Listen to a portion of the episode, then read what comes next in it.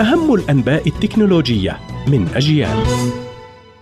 إليكم نشرة التكنولوجيا من أجيال. شركة هواوي تطلق في حفل ضخم يقام في الخامس والعشرين من الشهر الجاري أحدث هواتفها من فئة ميت والجيل الجديد من هواتفها القابلة للطي. وأثارت هذه الهواتف ضجة إعلامية بسبب إمكانيات معالجها الفائقة. ووصلت الشركة لهذا المعالج رغم العقوبات الأمريكية وحرمانها من الوصول إلى هذا النوع من الرقائق ما دفع الحكومة الأمريكية للتحقيق في تطور الصين بصناعة شرائح السيليكون والتأكد من فعالية العقوبات على الشركات الصينية.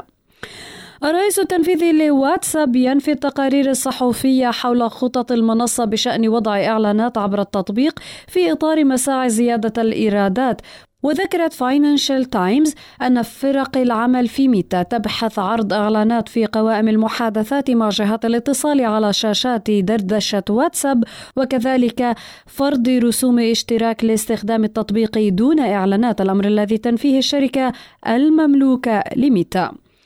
المنظمون الأوروبيون يفرضون غرامة بنحو 370 مليون دولار على تطبيق تيك توك لفشله في حماية خصوصية الأطفال وانتهاكه قواعد خصوصية البيانات في أوروبا. فوجهت الجهة المنظمة للخصوصية لشركات التكنولوجيا الكبرى توبيخا إلى المنصة بعد أن اكتشفت أن عملية الاشتراك للمستخدمين المراهقين أدت إلى إعدادات جعل حساباتهم عامة بشكل افتراضي ما يسمح لأي شخص بمشاهدة مقاطع الفيديو الخاصة بهم والتعليق عليها. من جانبها قالت تيك توك إن القرار ركز على الميزات والإعدادات التي يعود تاريخها إلى ثلاث سنوات. هذا ما كان لدينا في نشرة أخبار التكنولوجيا من أجيال قرأتها عليكم ميسم البرغوثي. إلى اللقاء.